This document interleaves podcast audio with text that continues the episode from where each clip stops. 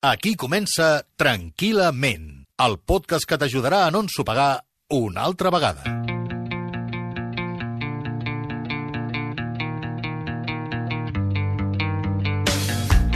Bon dia, bona tarda, bona nit. Potser no ho sabíeu, però l'origen etimològic de la paraula persona és màscara. Màscara. És a dir, que d'alguna manera o altra tots en portem una.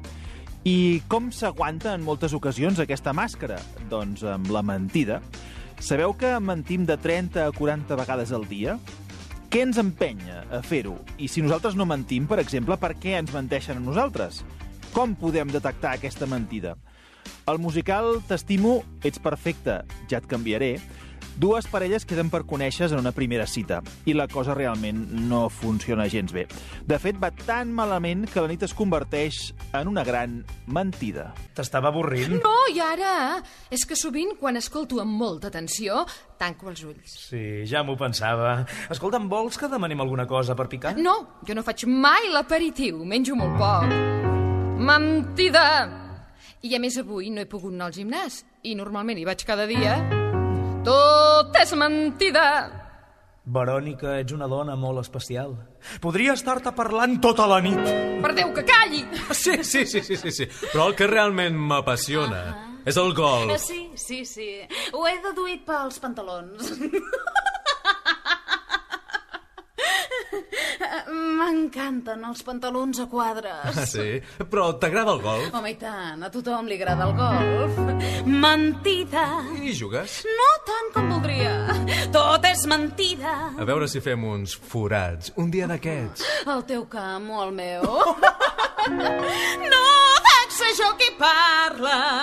Suposo que has vist Un Cadi en apuros. Jo crec que és la millor pel·lícula de golf que s'ha fet mai. i tant, em va encantar. No sé de què coi parla. Ja no hi ha mercat d'homes solters i vaig quedant un cop i cent. Potser el meu príncep trobaré, però no, ja es veu, no hi puc fer més. Ja no hi ha mercat de solters, van molt buscats els solters. Deixa'm que et convidi. No, no, paguem a mitges. Mentida, Mentida! tot és mentida. No, no, ja pago jo. I tant que sí que t'havies pensat. I és que no hi ha mercat, van molt buscats, estan comptats, que els ha amagat. No els pots trobar perquè no hi ha mercat.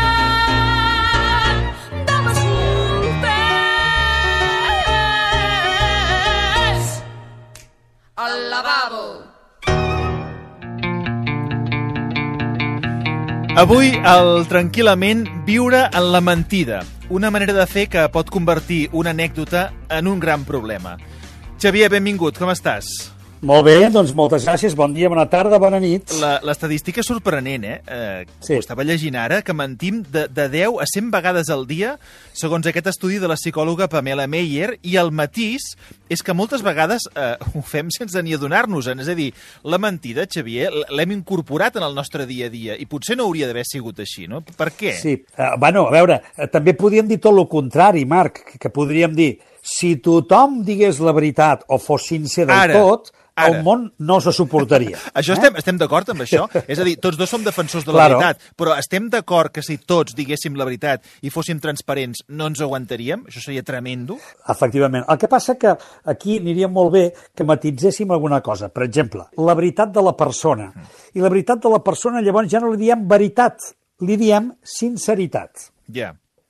Per tant, el contrari de la mentida no té per què ser la veritat, sinó que seria, segons això que t'estic explicant, seria la sinceritat. Aleshores, quan parlem de sinceritat, estem parlant de causa subjectiva, que vol dir, jo només puc dir-te el que és verdader en mi, el que és subjectiu en mi, que no és ni la veritat normativa ni potser és la veritat dels fets, sinó que els fets potser et diuen que he sigut una mica poc eh, amable amb tu o que he sigut una mica desconsiderat amb tu. Però potser, si sóc sincer, és que volia ser desconsiderat perquè et donessis compte que estic ferit amb tu. És a dir, que eh, hi ha una veritat que només pot ser descoberta des de la subjectivitat absoluta que li diem sinceritat. I aquesta sinceritat absoluta que ho diu tot el Sí, que un pensa sense o sent, filtre, exacte. sense filtre, aquesta és la que, si anéssim pel món sent sincers absolutament, no ens aguantaríem, Però no ara, ens ara, suportaríem. a- ara, ara continuarem estivant del fil, eh? Però en teoria, una, una societat eh, plural, democràtica, transparent, eh, amigable, no hauria d'estar basada en aquesta sinceritat absoluta? Ja sé que és utòpic, però filosòficament no, no, Sí. sí. no hauríem de- de- de- d'actuar d'aquesta manera. Eh, Insisteixo, eh? no ens aguantaríem, jo, jo ho he entès, Sí. sóc el primer de Sí, dir-ho, sí, sí. però Sí. no hauríem d'aspirar a aquest ideal de societat? Eh, hauríem d'aspirar a una, un nivell de societat que tingués en compte els altres. Aleshores, si jo tinc en compte amb tu, i no sóc només sincer des de la meva subjectivitat, aleshores jo puc ser molt, molt, ser molt clar des de lo meu subjectiu. Mira, vull que sàpigues tota la veritat, que ho solem dir d'aquesta Sí. manera, no? que vol dir ser-te d'absolut sincer. Per exemple, un cas que sol passar bastant i que, en fi, els psicòlegs ens hi trobem cada dos per tres, no? Que és, ara vaig tenir una infidelitat amb la meva parella, ell o jo, o Sí. jo he tingut una infidelitat, i mira, després m'he donat compte que no he fet bé i volem, hem decidit refer-nos i continuar endavant. Mm. I per continuar endavant vull fer net, vull començar de zero mm. i, per tant, li diré tot, li explicaré tot de cabo a rabo, Sí, i tu perquè els, vull i tu, que sàpiga i tu els tot. obres la porta de la, de la consulta i els I llavors, convides clar, a marxar, no? Perquè Clar, és que quan, quan l'altre diu t'ho explicaré tot i t'ho diré tot perquè et quedis tranquil·la o quedis tranquil, perquè sàpiguis tot el que va passar. Escolta'm, aquesta sinceritat de saber tot el que va passar no m'interessa. Per què? Perquè no es tracta de que m'expliquis tots els detalls. Eh, eh, L'únic que necessito és la teva intenció i la teva paraula i, la teva, i sobretot la teva confiança de dir malgrat el que ha passat, confio que ens en sortirem i, en tot cas, reconec que això ha sigut un error que jo he fet i ja està. Mm. I, en tot cas, tirarem endavant sabent que podem tirar endavant perquè jo el que vull i el que realment declaro és que t'estimo, que vull, que volem anar endavant. Ara, si per fer això faig un acte de dir vull començar net i t'ho explicaré tot, el que aconseguiràs potser és que s'acabi separant de debò, perquè hi han detalls que no cal explicar. Hi han històries, hi ha morbos que no calen. I llavors aquí és on extremem molt la sinceritat. I aquí diem compte quan diem sinceritat, perquè no vol dir dir-ho tot. Escolta, la, No menti dir dir-ho tot. la mentida ens converteix en pinotxos, que com dèiem, si això fos literal, no passarien per les portes, perquè aniríem picant amb tots els marcs de les portes del, del llarg que seria el nostre nas de pinotxo. Um, per què mentim? I, I si és que mentim perquè di... volem fer feliços als altres, mentim perquè diem el que la gent vol escoltar, o mentim per, per crear una imatge nostra que no és real? Per què mentim? Ahà. Mira, hi ha un, jo vaig escriure un llibre sobre aquest tema, però hi ha molts llibres que tracten aquest tema, que és el famós Aprengui a dir no. Llavors, tantes i tantes vegades, que potser tu també, Marc, ho has fet, i altres persones que ens puguin escoltar, quantes vegades al cap del dia no he dit sí quan realment volia dir no? Efectivament, i deixa, Quantes deixa'm vegades? recordar en aquest moment que vam dedicar un, un podcast sencer el, del Tranquil·lament per aprendre a dir no, que de fet és un dels Exacte. més escoltats de tota aquesta temporada. Eh? Efectivament. Doncs aleshores, quan jo hauria de dir no i en canvi dic sí, mm. estic mentint? Sí, Clar, per això Sí. dic que depèn com ho mirem, és el fet de dir no estic sent sincer, veus? si, si, no si a mi em conviden a anar a una festa i jo no hi vull anar i, i, Sí. i, poso una excusa, eh, és que estic mentint. Sí, efecte. però estàs mentint o estàs utilitzant una estratègia convencional per no quedar malament, com per dir ser una mica educat, per no menysprear l'altre. Per tant, I amb això... mentim per no dient- quedar malament? Ah, Entre, home, aquesta segurament és de les més importants, que és mentim perquè no volem influir malament en l'altre.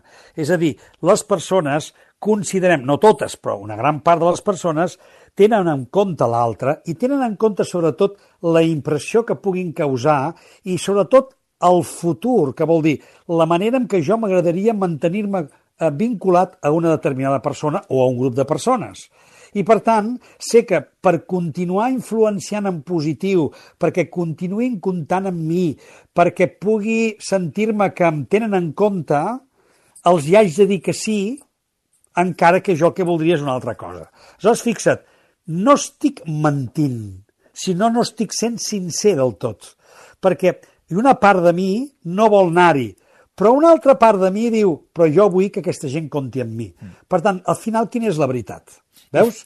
Llavors, aquí està la diferència entre veritat i sinceritat. I fixa't en quin punt estem, eh, perquè això que et preguntava jo, no? si una societat hauria d'aspirar a ser totalment transparent i, dir sempre la veritat, eh, en aquest cas que m'estàs dient, en aquest exemple de la festa que, que estem, Sí, estem sí. posant, eh, si jo fos totalment sincer i digués no, no m'agrada ve- venir perquè no m'agrada la gent amb la que estàs, no m'agrada Sí. aquesta festa, és a dir, jo estaria fent un acte de noblesa, però en realitat, jo per la societat, com estaria considerat? Doncs eh, brusc, antipàtic, és a dir, acabaria claro. penalitzat per dir la Exacte. veritat. És a dir, segurament No. al nostre entorn, ara en parlarem, hi ha Sí. gent brusca i, i directa que Mm. se'ls penalitza per dir la veritat.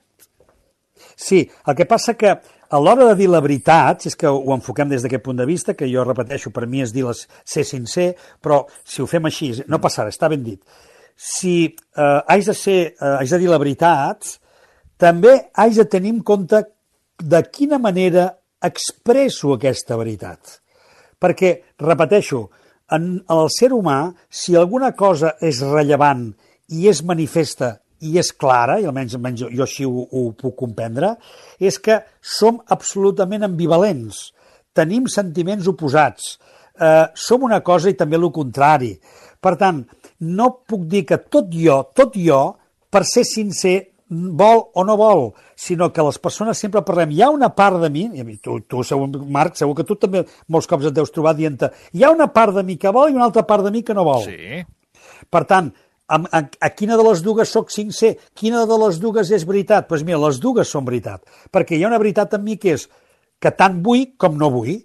I al final què, què s'imposa? Al final per què acabo decidint una a l'altra? Per la conveniència, per la, pel context, pel tipus de relació que he establert amb aquella persona, I per quedar per les, pels beneficis que pugui tenir en el futur, per quedar bé, és a dir, hi poden haver diferents motius que portin a que jo t'expressi una part de la meva experiència i no una altra. O, obro un parèntesi. Una Vinga. de les frases, eh, ara tornarem a la mentida, la sinceritat, a la veritat, però una de les frases que diria que més m'ha acompanyat durant la meva vida està relacionada amb les mentides i concretament també amb, amb la franquesa que ara mencionaves. He sentit moltes sí. vegades, i suposo que la gent que ens escolta també, eh, una frase que diu aquesta persona diu les coses d'aquesta manera perquè és així, perquè no té Sí. filtre. Com Ahà. volguem dir que tu no li tinguis en compte. D'acord. Sí. Però si tots féssim el mateix, tampoc ens podríem relacionar. Perquè moltes Efectivament. vegades jo m'he trobat amb aquestes persones, i segur que molts dels que ens escolteu també us ha passat, insisteixo, a que diuen, no, escolta, no li tinguis en compte. No li tinguis en compte perquè aquesta persona és així. I penses, no, escolta, doncs jo també sóc així i faig un esforç per no contestar malament, per no tornar-m'hi, per no posar-me tens o agressiu, però per què he d'aguantar aquesta persona i per què la justificació és que és així? No, no, és que és molt franca, és que és molt directa, sempre et diu la veritat. E- És així, és Ahà. el seu caràcter. Val, d'acord? Sí. Doncs jo també tinc el meu caràcter, jo també seria franc i directe, però Claro. m'adapto per intentar conviure en aquest món tan complicat que estem eh, comentant. Claro. Fixa't que aquí m'estàs parlant d'un fenomen que ja requeriria per ell mateix tot un programa, però que ens va molt bé avui, almenys comentar-ho una miqueta, que és el tema de la espontaneïtat. Aleshores, es confon generalment espontaneïtat amb bondat. És a dir, el que és espontani és com un nen que és tal, tal qual. Sí, senyor. Aleshores, el nen és tal qual... I se li doncs perdona tot. Soc espontani, com que m'ha sortit de dintre, m'ha sortit de l'ànima, que direm, eh, allò, soc Sí. espontani, doncs clar, m'has d'acceptar la meva Senyor, espontaneïtat. no ho ha fet amb mala fe, eh? li ha sortit així. Li ha sortit així. I, I i això és- justifica mocs, justifica enfadades Sí, i justifica males respostes. senyor. Per Però ser no sincer ser i per ser directe. Sí, però Aparentment. no hauria de ser així. No hauria de ser així, Marc, perquè l'espontaneïtat en l'adult, fixa't, i en el nen també, en el nen la condició d'espontaneïtat es basa en dues coses. A vegades té una espontaneïtat proactiva, simpàtica, amable, carinyosa, que diem, oh, que maco, quin detall que ha tingut. Però aquest mateix nen té 50% reactiu, és a dir, fa la pataleta, dona cops, crida com un boig, etc etc etc. Aleshores, què, què estem dient? Si una persona és tremendament espontània, tant li pot sortir lo bonic com li pot sortir lo impertinent.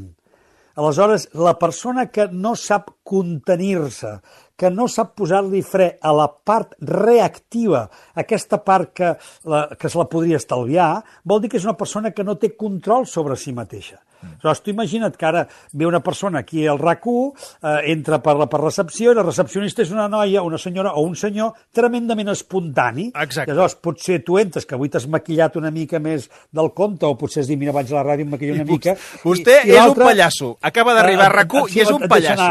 Caram, avui hem tirat del pote, eh? Imagina't que li diu això. Sí, sí. No, no, però... hòstia. Sí, sí, hòstia, sí, sí, val, val, d'acord. Però se li, ha, de- se li ha de perdonar perquè és així.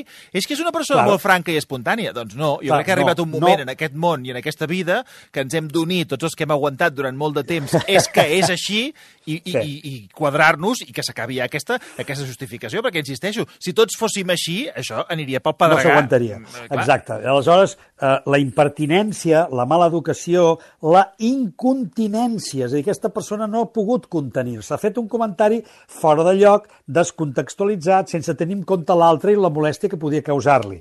És com voler fer la brometa i riure del meu propi pet però que als altres no els he fet cap gràcia. Aleshores dius, home, potser te't podies haver estat, no? Aleshores, aquí ens agrada molt parlar d'autenticitat, més que no pas d'espontaneïtat. Mm. La persona que és autèntica és aquella persona que, malgrat que conté molts, molts aspectes d'espontaneïtat, però és una espontaneïtat que dèiem abans proactiva, que té en compte l'altre i que és capaç de regular Sí, senyor. el seu nivell de sinceritat. A dir, Espontaneïtat proactiva, perfecte. Proactiva, Així proactiva, Sí, eh? Així sí, és a dir, I no espontani reactiva. i natural, però mantenint Exacte. unes certes eh, normes de convivència, eh, per dir-ho així. efectivament. Què vol dir, llavors, tenim en compte l'altre? Aleshores, aquí és on tornem al tema. Per què mentim tant, o per què, en aquest cas més que mentir, repeteixo, eh, no diem tota la veritat, ni som sincers del tot. A mi m'agrada més dir-ho així que no pas dir mentida, perquè que no et digui tota la veritat no vol dir que t'estigui mentint. Vol dir senzillament que intento només que traslladar-te aquella part que jo crec que és la que vull trans transmetre't o és la que en aquest moment em sembla que és més convenient. Sí, estic, estic, En triant, canvi- estic triant quines veritats et diré. Efectivament. Sí, clar, clar, això és el que m'estàs dient. Això és el que m'estàs claro, dient. Però per què? Perquè eh, estic en tenint en compte el moment, la situació, la relació, i en aquest sentit tu hi veuràs un punt de conveniència. Dic, Oh, és que tant. efectivament Oh, hi ha d'haver, és que hi ha d'haver un punt de conveniència. Per què? Perquè jo no puc dirigir ni l'altre em pot dirigir a mi, ni la meva vida, ni jo, o sigui, jo no puc dirigir la vida de l'altre, ni l'altre la meva. Per tant, jo haig de poder regular què és allò que expresso, com ho expresso, i en aquest sentit és on a vegades apreciem en aquest intent d'explicar-se d'una manera més clara o menys clara, apreciem un dels fenòmens que aleshores això estaria vinculat a aquest estudi que tu m'has llegit, que és l'estudi aquest sobretot del famós efecto Pinocho, eh, que són aquelles cosetes que els humans els convertim, i eh, fixa't, la paraula exacta és micromissatges. Micromissatges, què vol dir? Quan parlem no podem evitar que hi hagi una certa tensió interna quan no estem dient les coses amb claretat o quan hi han coses que les pretenem amagar perquè no volem dir-ho tot. I aleshores hi ha una famosa imatge que potser tothom la tindrà en ment, i tu, Marc, segurament ara quan t'ho digui també, que és la imatge d'aquells tres monos que un es tapa els ulls, Sí, l'altre es tapa la boca i l'altre es tapa les orelles. Mm. Doncs els humans tenim una cosa que es diu els micromissatges, que són intents espontanis, perquè en aquest cas no hi ha regulació, és un intent de la mà o del braç de tapar-nos o bé la boca, o bé els ulls, o bé les orelles, quan no ens agrada el que escoltem, quan no estem segurs ni massa convençuts del que estem dient, o, per exemple, quan intentem ocultar alguna de les coses que diem. I són petits gestets que si ara perquè eh, no, no, no estem a la tele i la gent no ho pot veure, però si ens veiessin veuríem que jo t'estic ensenyant que m'estic rascant una mica el llavi, que m'he m'he portat com una, faig com una estiradeta d'orelles, o m'estic rascant el nas, o faig com si em, em tapés el nas, que són, però res, és un instant, és un segon. Fixa't, què vol dir? La mà instintivament se'n va cap a tapar la boca, o se'n va cap a tapar les orelles, o se'n va cap a tapar els ulls. I aquest petit gest és indicatiu. I quan et fixes que algú fa, dius, bueno, aquesta persona ara està intranquil·la dient això. Però no vol dir igual a que està mentint, sinó que no, és, no està còmode amb allò que se li diu o amb allò que està expressant. Deixa'm posar-te dos exemples que són interessants. Eh, M'agradaria parlar de, de la mentidera o el mentider compulsiu. Sí. Tots en tenim algun a la nostra vida. Sí. No vull dir el, el patològic, eh, sinó que em refereixo Sí. a persones que saps que normalment, com es diu eh, habitualment, te l'estan colant. Una, Sí. una persona que desenvolupa una capacitat de generar embolics espectacular, a més Sí. a més sempre posant els altres pel mig. Eh, Sí. Ells, ella o, o ell mai ha fet res, mai, Sí. sempre són els altres, sempre se l'ha malinterpretat, sempre la culpa, perquè aquest em va dir que jo digués, però llavors Sí. resulta que... Jo, I d'alguna manera no saps mai per què, tu t'acabes eh, acabes rebent també una part Sí. de la culpa i, i, i acabes quedant malament, que són gent Sí. amb una altíssima facilitat per embolicar la troca. Sí. La pregunta Mira. és, que- és a dir, per què, es, per què viuen la seva Sí. realitat d'aquesta manera? Mira, hi ha, dintre d'aquesta tipologia hi han dos, dos tipus. Una tipologia són els que eh, no tenien intenció de fer alguna cosa, però ho fan. I quan ho han fet, es queden parats perquè ells mateixos triguen a reaccionar. Ostres, jo no volia fer això, però ho he fet. I mentre ell està pensant que no volia fer això, però ho ha fet, l'altre ja li està retraient. Escolta, per què m'has fet això? I llavors fem com els nens petits, exactament igual. Jo no he sigut. Aleshores, tu has vist algun jugador de futbol que després de fotre una trascallada amb un altre jugador digui, sí, sí, és que eh, he sigut jo que he anat... Ningú. He anat. Ningú, No, no. perquè tots diuen, jo iba por la pelota. Sí. I a veure, i, i Ha potser caído tenen solo, raó. ha caído solo. Sí, potser tenen raó, potser anava per la pilota, però què passa? No mesura les forces, s'ha passat un huevo, eh, exacte, coses d'aquest tipus, que aleshores el que fa és que la persona li costi reconèixer perquè es produeix un decalatge entre la seva intenció que tenia i el que ha acabat fent. Aquest seria una tipologia. Però llavors hi ha una altra tipologia, la segona, i aquesta és la compulsiva és la que tu cites, sobretot, que és la persona que monta boles. Mm. I monta boles i que després les ha de sostenir, les ha d'aguantar. I per què monta boles? Perquè necessita viure totes les coses que vol a la seva manera. És a dir, és una persona que s'ha de passar la vida justificant els lius i, i justificant el per què no ha aparegut, el per què no ha fet el que ha dit que faria, per què ha fet el contrari del que havia de fer, etc etc. I llavors que comença a explicar boles. I això ho hem fet tots de petits. Però això, per, per, això per, per què ho fa? Perquè vol viure la Ho seva per realitat? això? Perquè, Sí, perquè sí. no vol que l'emprenyin? Perquè, vi- va, perquè bona. es, es crea un món millor? Claro, i, sobre, i sobretot justificar-se, és a dir, justificar-se, com deies, jo no he fet res, és a dir, jo sempre miro de quedar com un senyor, o quedar com a mínim justificat. Aleshores, què passa? El que va per la vida intentant justificar-se necessita al final muntar boles. I la bola es va fent grossa. I a vegades la bola després et fa vergonya reconèixer que és una bola. I com que et fa vergonya reconèixer que és una bola, fas una bola encara més grossa. I llavors arriba un dia que se descubre la bola. I quan es descobreix la bola has de canviar de país perquè l'has fotuda tan grossa, has enredat a tanta gent que ningú se'n pot saber venir de que hagis fet I, una I cosa aquest així. tipus de gent, eh, Xavier, com, com es desactiva? Perquè crec que això és útil, perquè és que tots en coneixem d'aquests. Sí, però és que, clar, costa tant.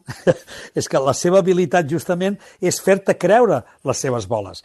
I, I, justament, el que és mentirós compulsiu, si ho segueix fent, és perquè no ens enganyem, Marc. És perquè li funciona. Ja, perquè en sap. Per tant, en sap i, i, i treu rendiment. És a dir, aconsegueix coses. Va, enganyem-nos una mica, una miqueta i prou, i pensem i diguem eh, tot anirà bé. Tot anirà bé. Xavier, moltes gràcies. Gràcies a tu, Marc. Heu escoltat tranquil·lament. Si no heu entès res, no és problema vostre.